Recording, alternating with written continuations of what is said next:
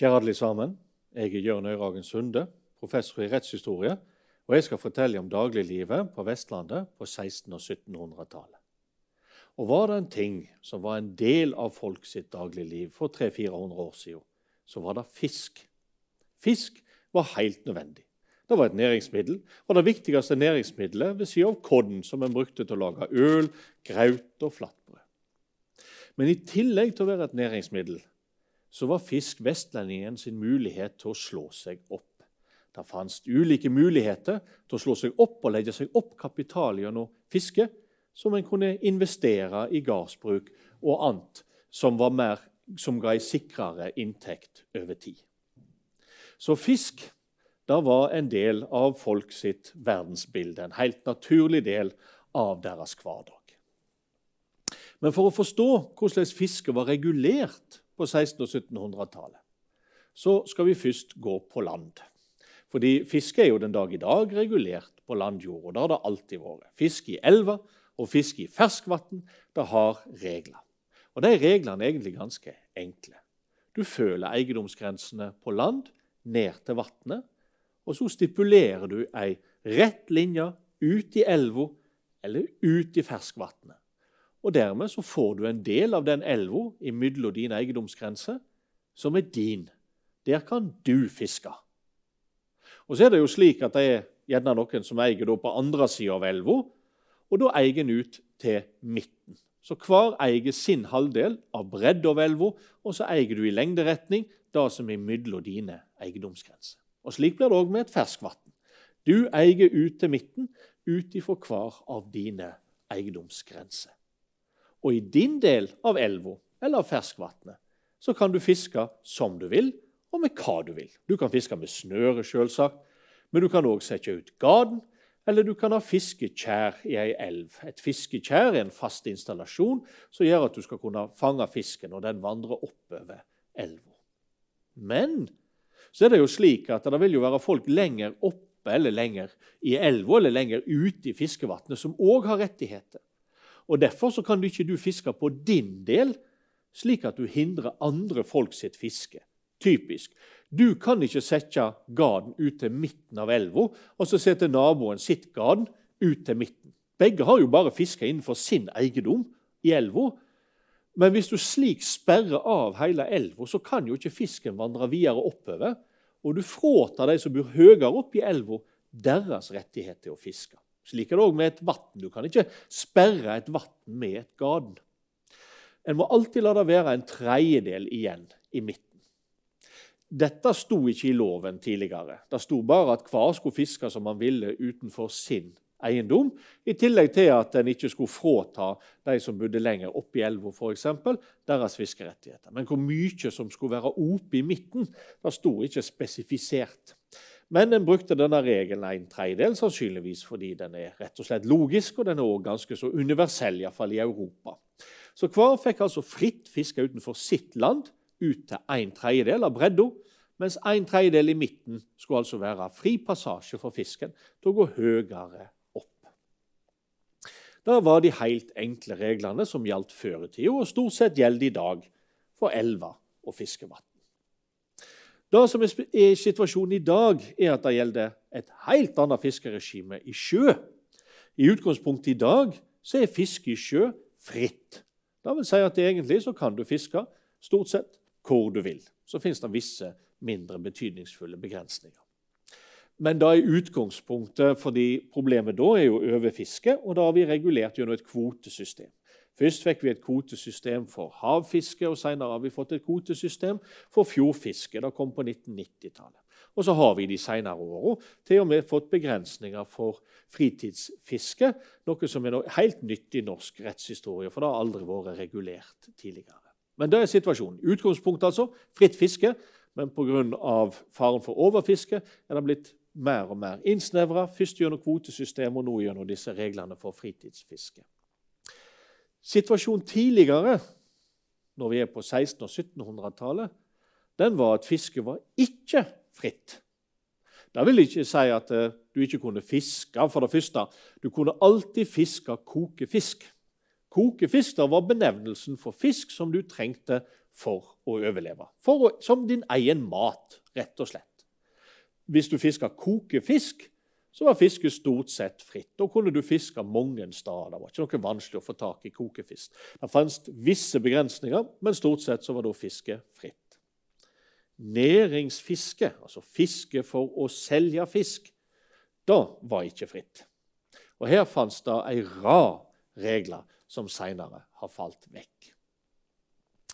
For det første så var fisket ikke fritt utenfor din eiendom. Så hvis du har en gard som grenser til sjøen, så behandler du sjøområdet utenfor gården din akkurat som du ville behandla ei elv eller et ferskvann på land. Det vil si at du regner at du eide ut i sjøen ifra din eiendomsgrense. Så du fulgte altså den ned til sjøen, og så stipulerte du den utover. Og det som var imellom de to grensene, det var ditt. Det var ditt lands fortog, kalte de det. De hadde en egen benevnelse for det. Og det var din eiendom. Du eide ut i sjøen. Det var ikke bare fisken du hadde rett på, men òg andre naturressursutnyttelser ute i sjøen. Typisk tang og tare, som en brukte til gjødsel. Så det var en egen rettighet da, å sanke tang og tare. Og Hadde du for mye tang og tare, så kunne du selge rettigheten din, slik at andre òg kunne høste tang og tare på din eiendom. Men det var i så fall en rettighet de måtte betale for eller kompensere for på en annen måte. Så all naturressursutnyttelse i sjøen utenfor din eiendom, på ditt lands fortog, da var din eiendom. Så kan en jo spørre seg hvor langt ut gikk den retten? Da kommer litt an på. Først, hvis du bor i en fjord, så vil den retten ofte gå ut til midten. Altså en behandler fjorda likt som elva. Kommer selvsagt litt an på bredda på fjorden. Men hvis vi tar Korsfjorden, f.eks., så eh, sør for Bergen, så var den nesten 500 meter brei. Og de som bodde på hver sin side av fjorden, regna at de eide ut til midten. Altså 200, ca. 250 meter. Så det var måten en tenkte på inni fjordene. Så Fjordene de var altså rett og slett delt slik at hver gard hadde sine eiendomsgrenser ned til sjøen, og så gikk de videre utover til midten. Og alt som var innenfor dem, det var ditt. Der var det du som fiska. Hvis det ikke var snakk om kokefisk. Da kunne òg andre folk komme og fiske. Det var en veldig viktig regel, for det var jo ikke alle som hadde en eiendom ned til sjøen. Ikke minst alle husmennene de hadde ofte ikke fiskerettigheter utover det de fikk av en uh, gardbruker, f.eks. Men de hadde likevel rett til å fiske kokefisk. Og Det var veldig viktig for dem, for da ga de en mulighet til å overleve. De var helt avhengig av fisken i sitt kosthold. Så Retten til å fiske kokefisk var altså viktig, men som næringsfiske så eide du i fjorden alt utenfor din eiendomsgrense og ut til midten. Og Det kunne være snakk om ganske store stykker av en fjord som en gard kunne eie, fordi den strakte seg ganske langt langs fjorden. Og Så varierte det jo hvor mye en sånn fiskerett kunne være verdt. Inne i Hardanger var den egentlig ikke verdt så veldig mye. Visst kunne du fiske, og kanskje kunne du få et visst fiskeoverskudd, men det var ganske lite. Det betydde lite for de samla inntekt i løpet av året. Mens andre eh, fjorder, f.eks. den alt nevnte Korsfjorden, var fjorder der du hadde vandrende fiskestamme deler av året. Vandrende fiskestamme er jo typisk sild eller torsk eller makrell. Eller i andre fjorder så hadde du laksen som svømte langs land, f.eks. i Sørfjorden, langs Osterøy og innover mot Vosso, hvor laksen da forsvant oppover mot Voss. Alle disse fjordene med vandrende fiskestamme, der kunne, der fiskerettene være veldig mye verdt. Vi har et eksempel på det inne i Sunnhordland, mellom gården Klepp og Hildre. Så vandra laksen langs land, og da var det slik at det var bare Klepp som hadde rett til å fiske den laksen. Da hadde de ikke på Hildre. Eh, og Hildre fiska likevel, På Hildre fiska de allikevel laks i tre år. Og på Klepp estimerte de at da fiska de gitt ei inntekt på 50 riksdaler fordelt på på tre år. Altså ca. 17 riksdaler i året. 17 riksdaler da er nok til å lønne nesten tre tjenestegutter et helt år. Sånn at vi snakker egentlig om ganske store verdier knytt til disse fiskerettighetene, òg i fjorda, sånn som for Garen, Klepp og Hildre, der det var laks som var den vandrende fiskerstamma som de hausta. Så der var det, I fjordene var det relativt enkelt å avgjøre hvem som eide hva. Andre plasser der det kunne være lett å avgjøre, var jo der det var sund. Altså at sjøen strømte forbi, og der du hadde fastland på hver side. Der oppførte seg akkurat likt som i fjorden. du eide. Altså Ut ifra gården din, ut til midten. Hvis du ikke var så heldig å eie på, på begge sider. Vi har et par eksempel på det òg. Så har du fiskevågene. Det er kanskje de aller mest lukrative fiskeplassene. Fiskevågen, der eide en hele vågen, som en hadde eiendomsgrense ned til. For den er jo et ganske avslutta stykke eh, sjø med en åpning. Den kunne være vid eller den kunne være smal, men i alle fall med en åpning ut og så, et, og så land eh, rundt vågen. Og Disse fiskevågene de var viktige. for Hvis det kom inn sild eller makrell for eksempel, i en slik våg, så kunne en stenge den med en not. Og Så kunne en stenge fisken inne til en hadde fiska hele vågen tom. Fiskevåger var ekstremt lukrative. De var så lukrative at en drev og dyrka dem. Så en snakker om å dyrke en fiskevåg, akkurat som en snakker om å dyrke innmark. Og fiskevågen ble regna til folks innmark. Og Med å dyrke en våg så mener en rett og slett at en, en dykker ned og tar vekk steiner, og en tar vekk røtter og alle slike ting som ligger på bunnen av sjøen. Årsaken til det er at hvis du skal sperre vågen med en not og dra nota inn på land, så hvis den hekter seg fast i, i um, greiner eller i røtter eller i stein og blir reven opp, ja, så kan fisken forsvinne ut, og du lir ganske stort tap ved sida av at nota blir ødelagt. Så Derfor så dyrka de fiskevåger. Og Så var det slik at det kunne være nødvendig å feste nota i et feste, f.eks. i en eh, bergvegg eller i en stein. Så da borte de hull og lagde slike fester for å gjøre fisket mest mulig effektivt. Og I noen tilfeller, det er ikke så vanlig, men vi kjenner det fra Sotra f.eks., så var åpningen på vågen litt for stor. og Da gikk bøndene i lag og så bygde de en steinmur for å få en mindre åpning. Stor nok til at fisken kom inn, men liten nok til at han var lett å stenge, slik at de kunne fiske vågen tom. Så Sånne fiskevåger var ekstremt lukrative fordi det var så lett å få veldig stor fangst. Hvor lukrative de kunne være, får vi et eksempel på med skorpevågen på Herdla. I skorpevågen på Herdla på 1700-tallet så kommer det et nederlandsk skip som har eh, lidd skade i storm. Det holder på å sykke, og for å berge lasta må det seile seg inn på land. Og Det seiler seg altså inn i skorpevågen, og dermed så får de berga lasta, lasta han om bord på en annen båt, sendte han inn til Bergen og solgte han der. Herdla er generelt en plass hvor det var mye skipsforlis. Men når denne båten da ligger inne i Skorpevågen, så får de jo ikke fiska sild. Det vil si, Silda kommer jo inn, det er ikke problemet. Men de får ikke stengt vågen og fiska med en not, for det ligger et svært skip i veien for dem. Og de estimerer tapet deres av sildefiske det ene året er 90 riksdaler. Igjen, altså Årslønna for en tjenestedreng er seks riksdaler. 90 riksdaler er en stor sum. Det er faktisk nok til å kjøpe en liten gard. Middelstor gard da koster kanskje 150 riksdaler. Så 90 riksdaler er en, en liten gard. Men det, allikevel, det sier noe om størrelsen på den inntekta de hadde fra denne sildevågen, skorpevågen, på, på Herdla i løpet av ett eneste år. Så kan det hende at de overdrev tapet litt, det gjør en jo ofte i sånne situasjoner, men i alle fall, det er snakk om ganske mye inntekter. Men for all del, det er jo ikke bare én bruker. Ofte så har disse rike fiskevågene flere brukere som da skal dele inntektene. Men det gjorde jo òg at de kunne samarbeide for å gjøre fisket så effektivt som mulig. Så lenger sør, på Sotra, har vi et eksempel på en slik våg der bøndene gikk i sammen altså bygde en steinmur for å gjøre åpninga akkurat passelig stor.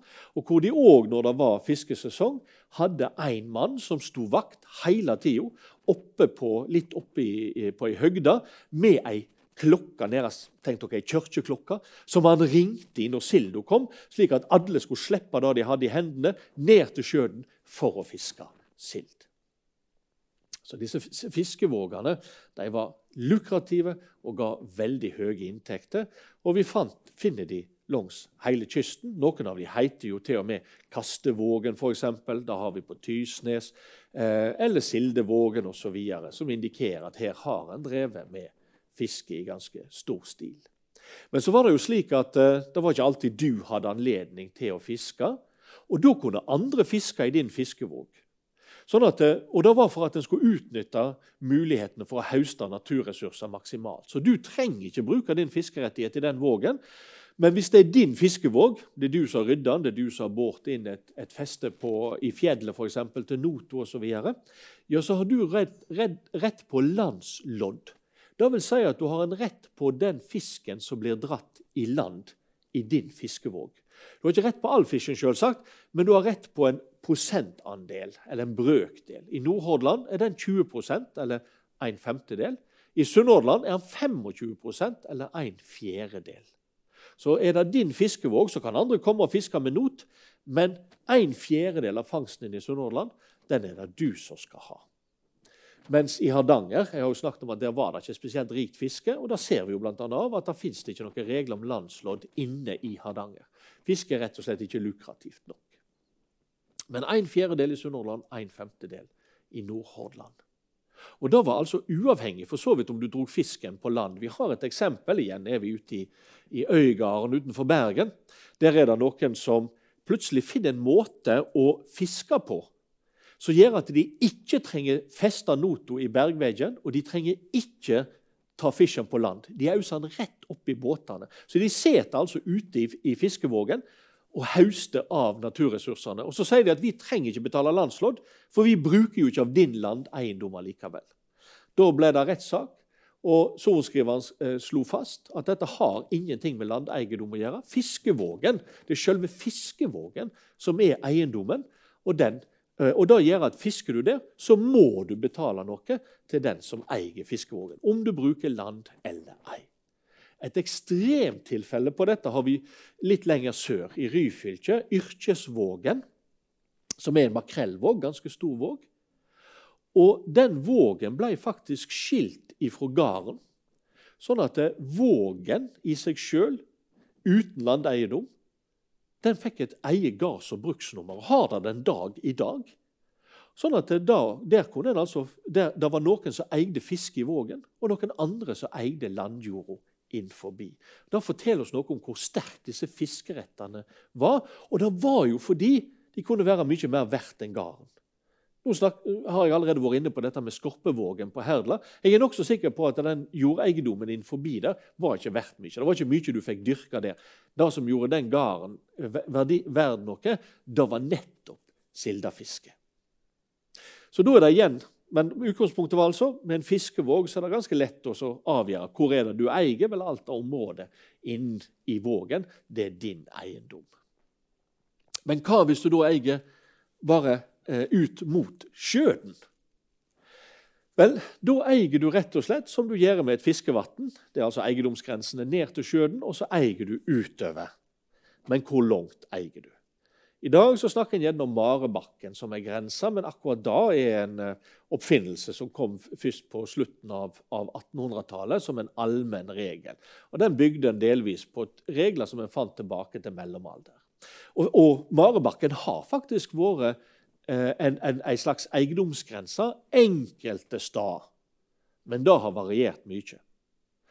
Veldig ofte så ser vi at folk hevder å eie ut til en eller annen slags form for Eh, skjær eller holme ute i sjøen. Det kan være ganske langt ute. Vi har eh, et eksempel nede på Karmøy, for eksempel, hvor det var drøyt 900 meter ut. Der var det noe holmer og skjær, og da regna de som bodde inne på, på gården Vea, inne på fastlandet, da regna de for grensa for sin eh, fiskeeiendom. Så det var veldig ofte, hvis det var holmer eller skjær der ute, som, som steg opp over vannet, ja, så var de eiendomsgrensa. Hvor langt ute de lå, det kunne variere ganske mye. Men så var det òg slik at du gjerne kunne ha eh, skjær under vann som ikke viste, som òg ble regna som eiendomsgrense. Et helt ekstremt eksempel på dette har vi gamle Lindås kommune i Nordhordland, eh, på gården Hodne. Der ble det gått opp ei grense i 1733. Egentlig så var det fordi to brukere på gården var uenige om hvem som hadde hogstrett på land. Men når en først skulle gå opp grensa på land, så bestemte seg også for å gå opp grensa ute i sjøen. Og Når en går opp ei grense, så lager en grensemerke. En hogger typisk inn en kross i steiner, f.eks., eh, eller i bergvegger osv. Men hva gjør du med sjøen? Det de gjorde i dette tilfellet, det var at de var enige om hvor grensa gikk i sjø. Så de sette, altså Sorenskriveren som gikk opp grensa, ble satt i en båt i lag med rokarer som rodde han ut til det som ble kalt for et undervannsskjær, eller ei flu. Ei flu er det jeg er vant til å kalle for ei grudna. Og Ei grudna det er et stykke i havet er ganske, der det er ganske grunt, rett og slett. Og der står veldig ofte fisken. På grudna eller rundt kanten på grudna. Dette var rike fiskeplasser. Og Derfor så var den grunnen grunna delt. Akkurat som skogen var delt mellom de to brukerne på Hodne, så var fiskegrunnen delt, sånn at begge skulle ha tilgang på det rike fisket. Og Derfor så måtte de jo ha en grensestein.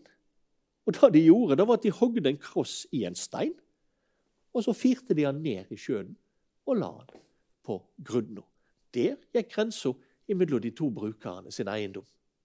Så sjøl ute i sjøen, på slike undervannsskjær, så setter en grensesteiner. Det forteller om hvordan de tenkte på eiendommen ut i sjø, akkurat liksom de tenkte på eiendommen på land. Og Slike rettigheter langs land kunne altså være mye verdt. Vi har en tvist i Nordhordland, gamle Lindås kommune da òg, som gjelder fiske av laks Imellom to gårder. Eller egentlig er det tre gårder som er involvert. Og der vi ser at de fisker laks langs land for 64 riksdaler hvert eneste år igjen. En årslønn for en tjenestegutt til seks riksdaler. Det er ganske store eiendommer som, som, står på spill. Da er det viktig at grensene er klare, for så blir det konflikter. Og Så kan du si hva da internt? Altså At en gard sine grenser går ned til sjøen og så ut, og at du får kartlagt dem, betyr jo ikke at du har kartlagt forholdet mellom brukerne på gården. Nå er det ofte sånn ute på kysten at gårdene er relativt små, så en gard trengte ikke ha så mange eh, brukere som inne i fjordene. Så Hvis du kommer inn i fjordene, som f.eks. Nes i Kvinnherad, er åtte brukere. Da er det enda flere på Store Foss inn i Strandebarm, inn i Hardangerfjorden f.eks. Da begynner ting å bli veldig stort og komplisert. Ute med kysten så var det ofte færre brukere, men det var flere brukere. Og Da får du lett tvistigheter når det er så store ressurser som det er snakk om, som fisket representerte. Men da ble det avgjort på grannestevne. Grannestevne var et konfliktløsningsorgan som, der naboer, eller de som bodde på samme tunet, avgjorde konflikter seg imellom. Og akkurat som de avgjorde konflikter om landeiendom, avgjorde de konflikter om sjøeiendom. Og akkurat som de regulerte hvem som skulle bruke hva jordstykke på land, regulerte de hvem som skulle bruke hva del av fisket i sjø. Så her fantes det ingen regler, og det varierte fra område til område, ofte fra gard til gard, hvordan en fordelte fiskeressursene seg imellom. Noen hadde disse grunnene som felles fiskeplass. Alle fikk fiske da de sjøl ønsket det. Andre delte det, akkurat slik som de gjorde på Hodne, der de delte det på midten. Sånn at Den ene brukeren fikk fiske på andre, ene sida, og andre brukeren på andre sida. Og, de, og Spesielt disse grunnene, men òg av og til havreddene, eller rensel, som de kaller de, de kunne eh, ligge ganske langt ute. Og det kunne gjøre at du kunne faktisk ha, ha eiendom i sjø langt ifra gården din. Et eksempel har vi fra Fensfjorden i Nordhordland der de sier at det er 1,5 mil. De klassifiserer ikke hva type mil det er. Og, og ei sjømils lengde den varierte voldsomt. Ei sjømil i, i, Finnmark var jo tre ganger så lang som ei sjømil i, i Sør-Norge f.eks. Så akkurat hvor mange meter dette blir, det tør jeg ikke si, for jeg vet ikke sikkert hva de mener. Men de sier iallfall at 1,5 mil ut i fjorden der er det ei grunne der de fisker med lina. Og så oppstår det en konflikt mellom to gårdbrukere om hvem som skal ha rett til det linefisket. Så da er vi et godt stykke ifra land. Vi har det samme i Sunnhordland. For så har vi en fisker som sitter ute i en båt utenfor Espevær, ei mil ifra land, sier han. Da får vi vite rett og slett fordi han sitter og fisker på fiskegrunna si. Og så kommer det drivende forbi ei mast etter et skip som har gått ned med ei talje og litt sånn forskjellig, og så tar han da om bord i båten sin, og så må han forklare hvor fant han dette. Jo, han fant altså ei mil ifra land utenfor Espevær, der han satt og fiska. Så disse fiskegrunnene kunne ligge ganske langt ifra land, og vi finner og ute på det åpne havet. Og Da kan en jo spørre seg hvordan kan du ha eiendom ute på havet. Det må jo være vanskelig nok å finne denne fiskegrunnen utenfor Hodne, for eksempel, ute i fjorden der. Men hvis du er én mil ute i, på det åpne havet, hvordan i all verden skal du vite at her er det jeg som har rett til å fiske, du får fiske der borte?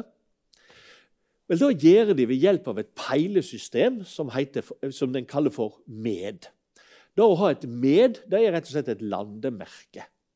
Og det som skjer er at Når du ror ut på sjøen, så sitter du hele tida og ser inn mot land.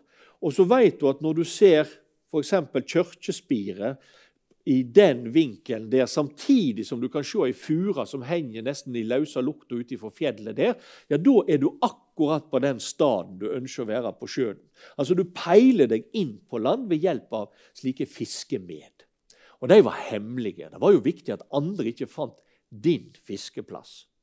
Og Seinere ble de faktisk skrevne ned, og en har funnet noen av disse. Men da alltid gjemt f.eks. inni en vegg. eller et eller annet sånt, For dette var jo kjelda til din rikdom. Så sånne fiskemed var et system som en brukte som gjorde det mulig å være ganske langt ute på havet og allikevel vite at dette var din fiskeplass. Så hva gjorde du hvis det var noen andre som fiska på din fiskeplass. Vi har jo en vidunderlig beskrivelse av dette i eh, Ivar Aasen sin sang jeg, eller, ja, 'Jeg rodde meg ut på seie grunn'. For da Den sangen handler om er at du ror deg ut på de grunner. Du skal fiske på din plass i fjorden. Men der er det noen andre som fisker.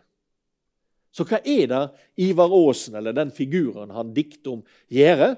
Han triver i åra og slår til han som fisker på fiskegrunnen hans.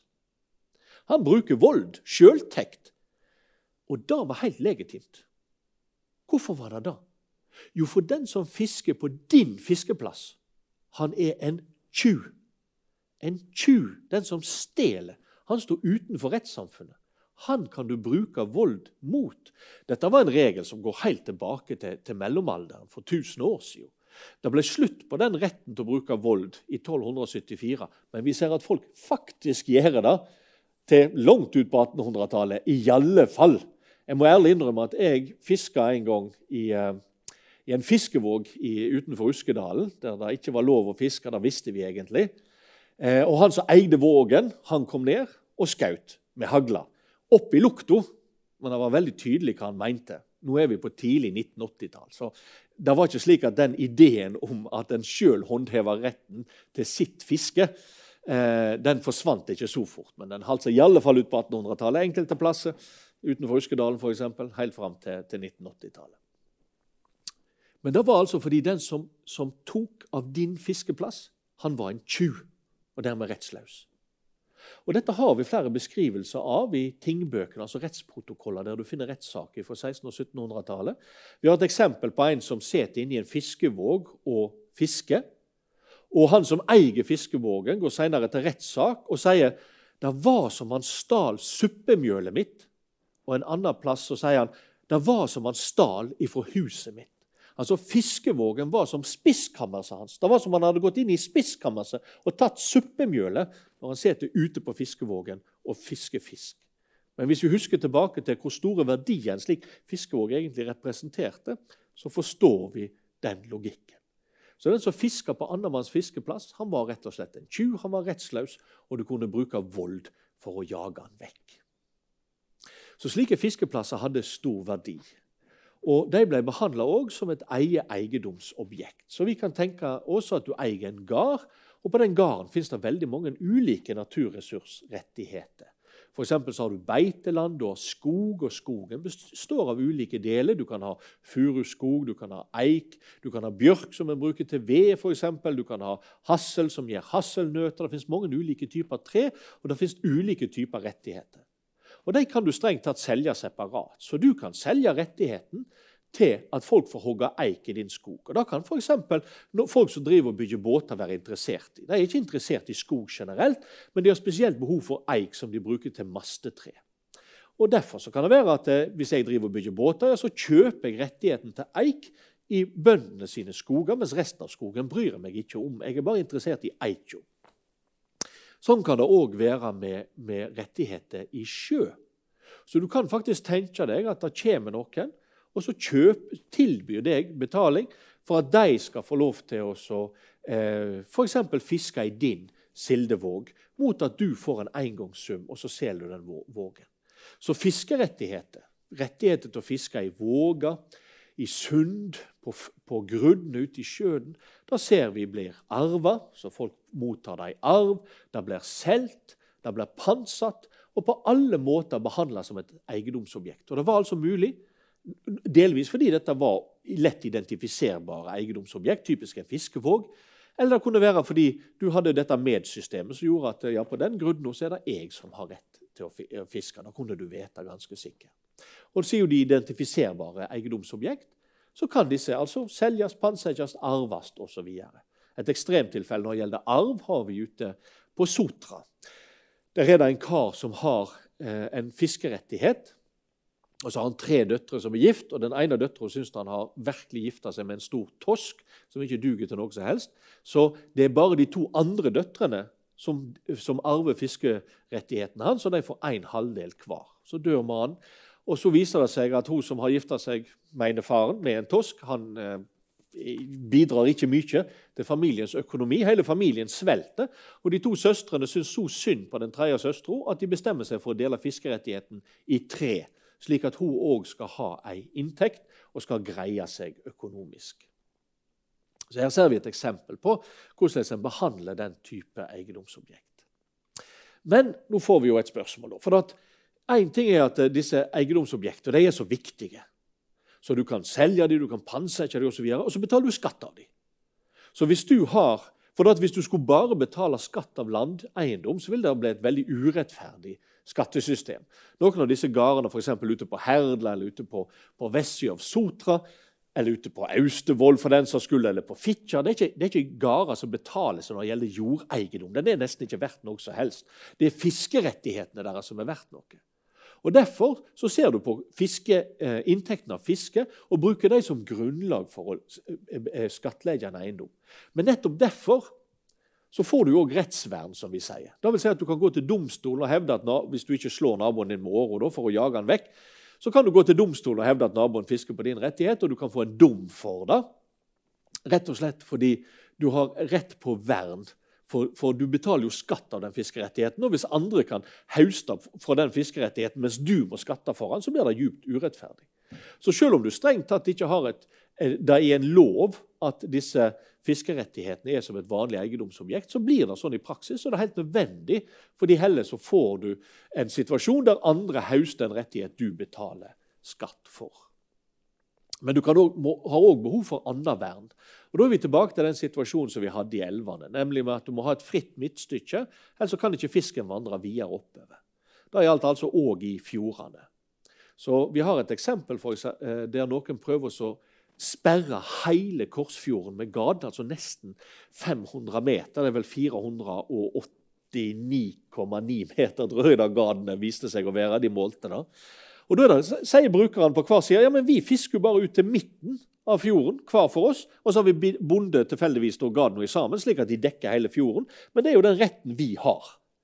Noe tilsvarende har vi, eh, En tilsvarende situasjon har vi mellom fastlandet, Litle Sotra og sjølve Sotra der, som òg i perioder blir stengt med garn, fordi brukerne på hver side sier at ja, men vi fisker jo bare ut fra vår eiendom ut til midten, og så bitter vi garnene sammen. Men det var altså ikke lov. Og Da fikk du dom for eh, konflikten med Litle, Sotra og Sotra. det området. Den ble løst først i 1701. Da hadde det vært konflikt siden 1665. Mens eh, konflikten i, i, eh, nede med Korsfjorden den ble løst først på midten av 1700-tallet. Men da er poenget akkurat det samme som på land. Ja, selvsagt kan du fiske ut fra din eiendom, men bare en tredjedel ut. Det skal være et fritt midtstykke som skal være en tredjedel av den totale bredda, der fisken kan vandre innover fjorden. Her ser vi altså hvordan domstolene griper inn. I noen tilfeller så går disse sakene ikke bare til lagmannen i Bergen og til overhoffretten i, i Kristiania, som er den øverste norske domstolen, men de går helt til Høyesterett i København, som anerkjenner disse uh, norske fiskerettighetene, selv om de altså ikke har en heimel, som vi sier, i lov. Men det er fordi skattesystemets logikk tilsier at den typen rettigheter må ha et vern. Og Slike rettigheter blir altså solgt og arva osv. Men Én ting er at du har rett til å fiske kokefisk. Slik overlever du for, for husmenn, f.eks. er det helt essensielt.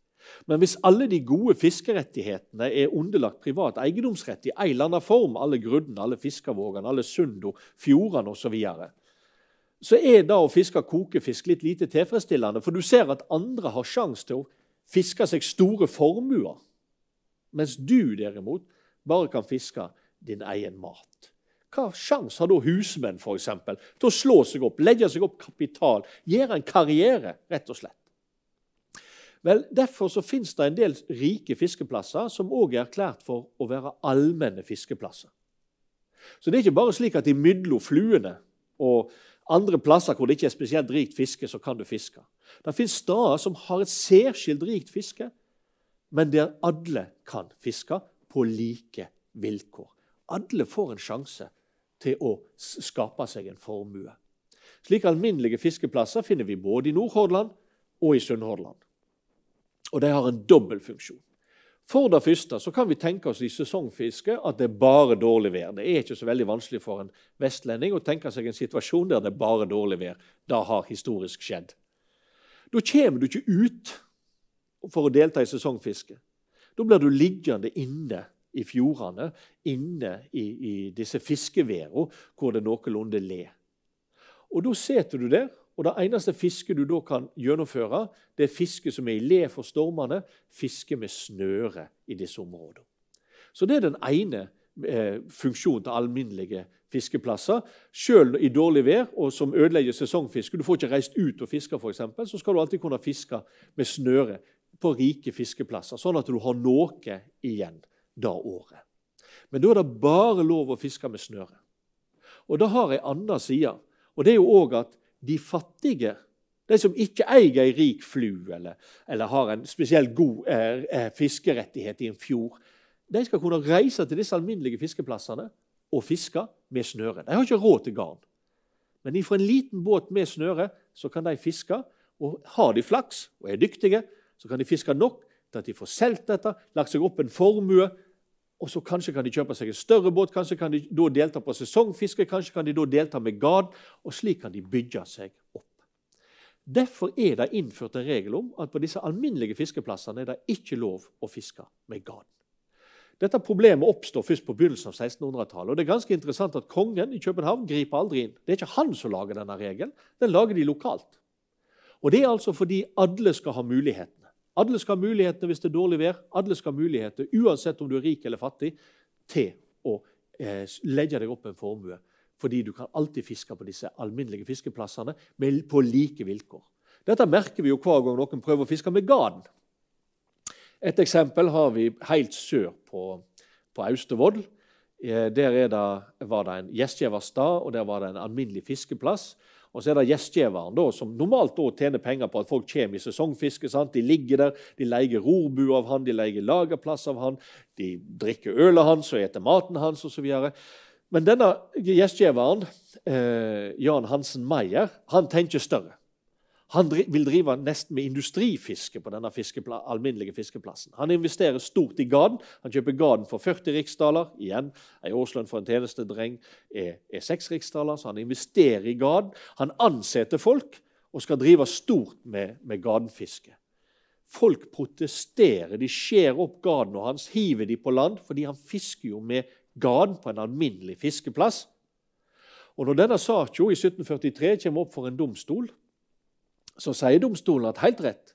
I 1661 ble det slått fast, både i underretten, altså av sorenskriveren, og i overretten, altså av lagmannen i Bergen, at dette er en alminnelig fiskeplass der du ikke kan fiske med garn. Meyer estimerer tapet sitt på tre års tapt fiske med garn til 300 riksdaler. Altså 100 riksdaler i året igjen. Tjenestelønna for en, en tjenestedreng er 6 riksdaler. Nå overdriver han helt sikkert, men det er snakk om altså store summer der en har gått sammen og bestemt at nei, dette må være et ope og tilgjengelig fiske for alle, uansett formue.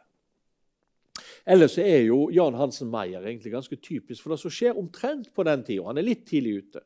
Men spesielt ifra ja, Det begynner allerede 1730-tallet, øker veldig på på siste halvdel av 1700-tallet. Det er det jeg vil kalle en kapitalisering av fiske.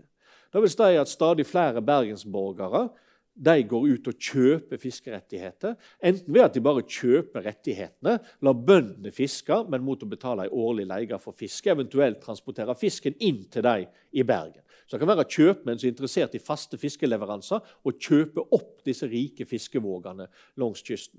Alternativt er at de gjør som Jan Hansen Meyer. De etablerer seg som en gjestgiver og driver med en form for industrielt fiske sjøl, der de ansetter mye folk, har store båter og har mye garn.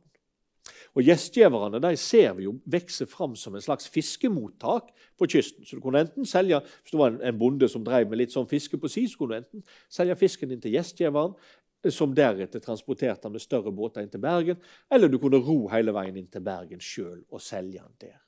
Men det vi ser er altså rett og slett på siste alder av 1700-tallet at byborgerne i Bergen går ut og så kjøper de fiskerettigheter. Og Da er det helt typisk at de kjøper rettighetene. De kjøper fiskevågen og retten til å fiske det. De bryr seg ikke om landjorda. Den er egentlig ikke verdt så veldig mye uansett.